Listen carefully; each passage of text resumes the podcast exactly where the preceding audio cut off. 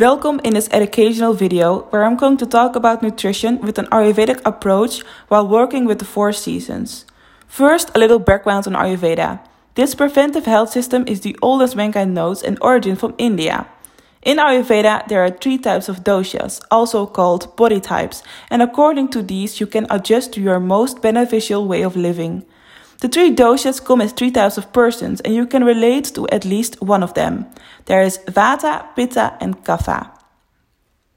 First, Vata. Vata has a fast, irregular metabolism and does a lot of things all at once.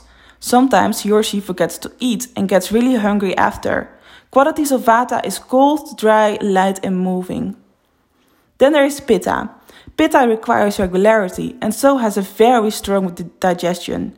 He or she needs to eat every few hours, has a high body temperature and high energy. Hot, spreading, sharp, and liquid are qualities of Pitta. Last, there is Kapha. Kapha is a very stable person with a low metabolism. They are often slow but well taught. Qualities of Kapha are cold, heavy, and stable. If you want to balance these doshas, you need to eat food with the opposite qualities. In the following slides, we're going to tell you how to eat according to the seasons and your own dosha.